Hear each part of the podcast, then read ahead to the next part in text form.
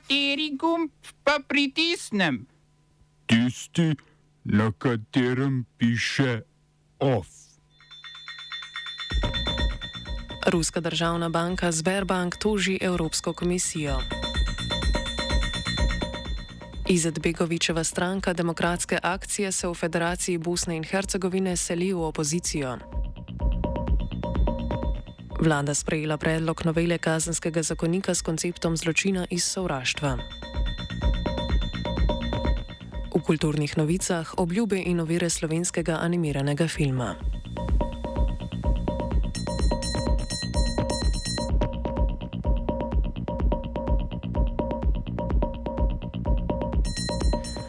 Bolgarija je ruskemu podjetju Luk Oil dovolila nadaljne uvažanje in rafiniranje nafte.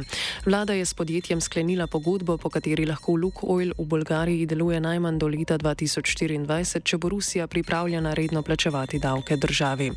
Luk Oil bo po besedah bolgarskega namestnika premijeja zadolženega za področje gospodarske politike Hrista Aleksiva v Bolgarijo preselil vso proizvodnjo, prihodke in davke, medtem ko jih je prej po njegovih besedah plačeval na nizozemskem in v Švici. Stališče Evropske komisije je, da Lukoil ne sme izvažati nafte iz Bolgarije v države članice Unije zaradi sankcij proti Rusiji.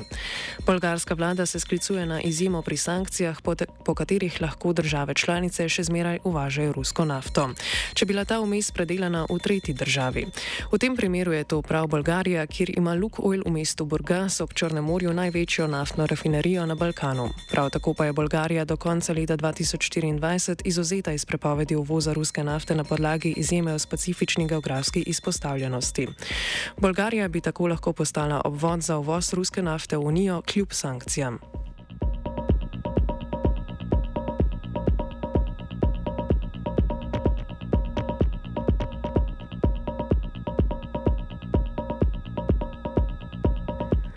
Ruska državna banka Sberbank je pri splošnem sodišču Evropske unije uložila tožbo proti Evropski komisiji in enotnemu odboru za reševanje, krajše SRB, zaradi odločitve o prodaji bančnih podružnic v Sloveniji in na Hrvaškem ter zaprtju podružnice v Avstriji. Banka odboru očita, da je z odločitvijo posegel v pravici do. Apala, ja, da je z odločitvijo posegel v pravico do zasebne lastnine in svobodne gospodarske pobude. Odločitev je bila utemeljena s slabo likvidnostjo podružnic ki jo je povzročil velik odliv depozitov zaradi povečanega tveganja po ruskem napadu na Ukrajino februarja letos. V Sloveniji je bila Sberbankova podružnica tako po bagatelni ceni prodana novi Ljubljanski banki.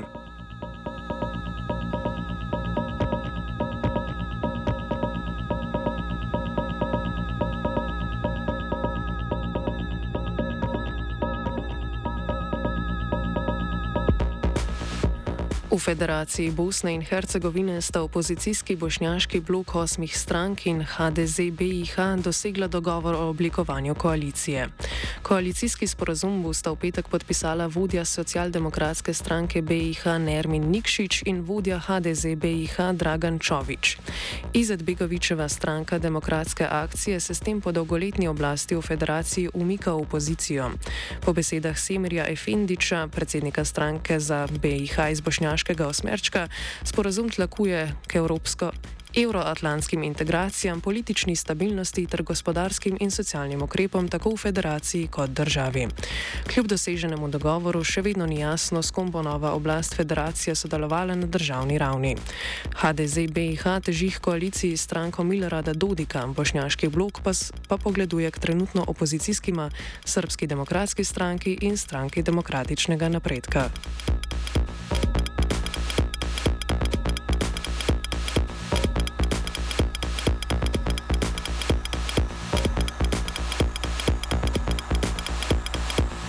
Kosovski premijer Albin Kurti je na poziv Združenih držav Amerike za 48 ur preložil začetek izdajanja glob za nezamenjanje registrske tablice Republike Srbije.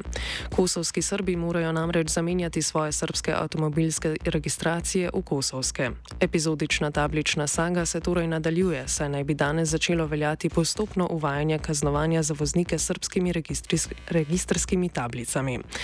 Ameriški veleposlanik v Prištini Jeff Hoveni Munier je ob začasnem odlogu izdajanja kazni izrazil upanje, da bosta Srbija in Kosovo ob pomoči Združenih držav Amerike in Unije prišla do rešitve. Evropska unija je v tablični krizi sicer že večkrat pozivala k razrešitvi spora, a neuspešno. Visoki predstavnik Unije za zunanje zadeve Giuseppe Borrell je sicer že predlagal rešitev, ki bi ohranila obstoječe stanje. Srbija bi namreč nehala izdajati svoje registrijske tablice kosovskim Srbom, Kosovo pa bi zaustavilo proces preregistracije. Seveda Albin Kurti na to ni želel pristati.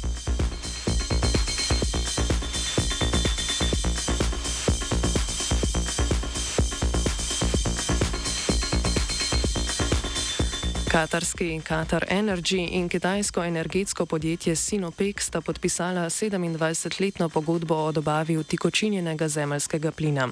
Kupoprodajna pogodba je najdaljša tovrstna pogodba doslej in obsega dobavo 4 milijonov ton plina letno, cena pa bo odvisna od gibanja cen surove nafte. To so kar štiri petine vsega trenutnega letnega uvoza utekočinjenega plina na Kitajsko. Pogodba je bila podpisana v okviru projekta North East Field, s katerim namerava Katar v petih letih proizvodnjo povečati za 64 odstotkov. Največje odjemalke katarskega zemljskega plina so sicer Kitajska, Japonska in Južna Koreja, po ruski invaziji na Ukrajino pa se je okrepilo tudi povpraševanje evropskih držav.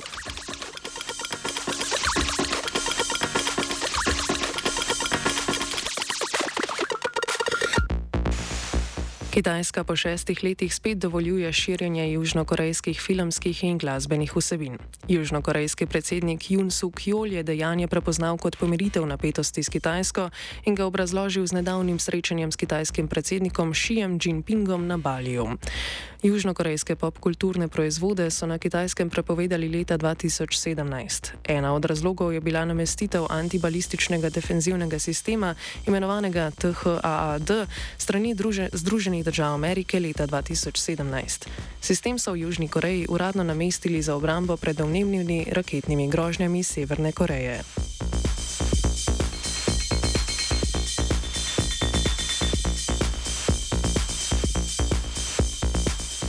Malijska hunta je naznanila takojšnjo prepoved aktivnosti izvajanih strani nevladnih organizacij, ki jih podpira Francija. Premijer Abdullah Majga je povedal, da se je za potezo odločil zaradi francoske odločitve o preklicu razvojne asistence Maliju. Francosko ministrstvo za notranje zadeve je to storilo zaradi domnevnega sodelovanja malijske hunte s skupino ruskih plačancev Wagner. Francoske sile so v začetku letošnjega leta tudi zapustile Mali. Premijer Majga je te obtožbe zavrnil in jih označil za neresnične. Poleg tega je delovanje francoskih nevladnih organizacij obtožil spodbujanja lokalnih terorističnih skupin in izsiljevanja malijske vlade. Hunta je maja lani pod vodstvom podpredsednika Asimija Goite sicer izvedla uspešen državni udar, s katerim je odstavila takratnega predsednika Ban Dava.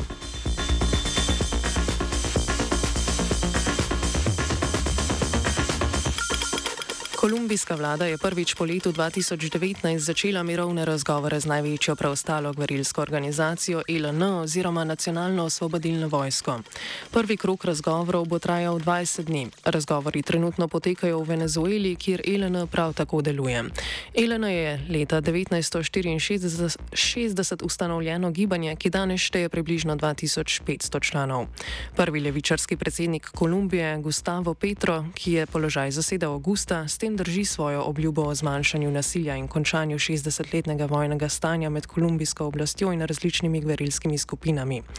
Prejšnja kolumbijska predsednika sta bila pri vzpostavljanju miru neuspešna. Predsednik Juan Manuel Santos je začel pogovore s skupino leta 2016, a jih je leta 2019 zaustavil predsednik Ivan Duque.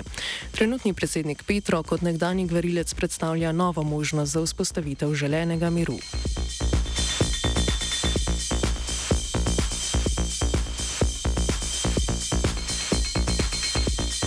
Lokalnim predelovalcem vina v Avstraliji grozi, da jim bo Evropska unija odzela pravico do uporabe imena Prosecco. Lokalna avstralska vinarska industrija je prav zaradi tega vina v zadnjih 20 letih zrasla do vrednosti kar 205 milijonov evrov letno. Vinari opozarjajo, da bi odzem pravice do uporabe imena Prosecco močno prizadel lokalno proizvodnjo. Smo se osamosvojili, nismo se pa osvobodili da se naštete še 500 projektov. izpiljene modele, kako so se strani nekdanje LDS rotirali. Ko to dvoje zmešamo v pravilno zmes, dobimo zgodbo o uspehu. Takemu političnemu razvoju se reče udar. Jaz to vem, da je nezakonito, ampak kaj nam pa ostane? Brutalni obračun s politično korupcijo. To je Slovenija, tukaj je naša zemlja, to je Slovenija, Slovenija. Vlada je potrdila predlog novele kazenskega zakonika, ki med drugim uvaja koncept zločina iz sovraštva. Spremembe podrobneje predstavi dr. Miha Šepec, izredni profesor kazenskega prava na Univerzi v Mariboru. Gre za novelo kazenskega zakonika, ki je v bistvu zelo kratka, vse skupaj ima deset členov, torej nekih zelo, bomo rekli, drastičnih sprememb ni. Glavna, bomo rekli, najbolj medijsko izpostavljena je ravno ta zločin iz sovraštva, ki pa v bistvu to ni novo kaznivo dejanje. To je samo posebna okoliščina, ki jo sodišče upošteva potem pri odmeri kazni.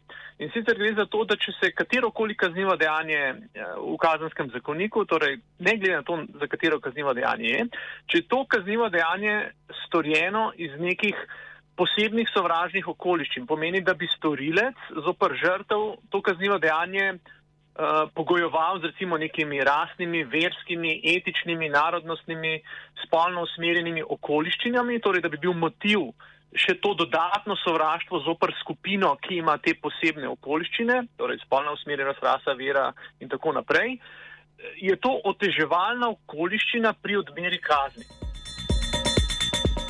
Takšne okoliščine so bile do določene mere v kazenski zakonodaji upoštevane že doslej. Seveda, nekatera kazniva dejanja so to že zdaj imela tako predvideno, ne, recimo pri oboju, ravno je to bilo, ne, je potem to prekvalificirano v pomor, nekatera kazniva dejanja pa ne.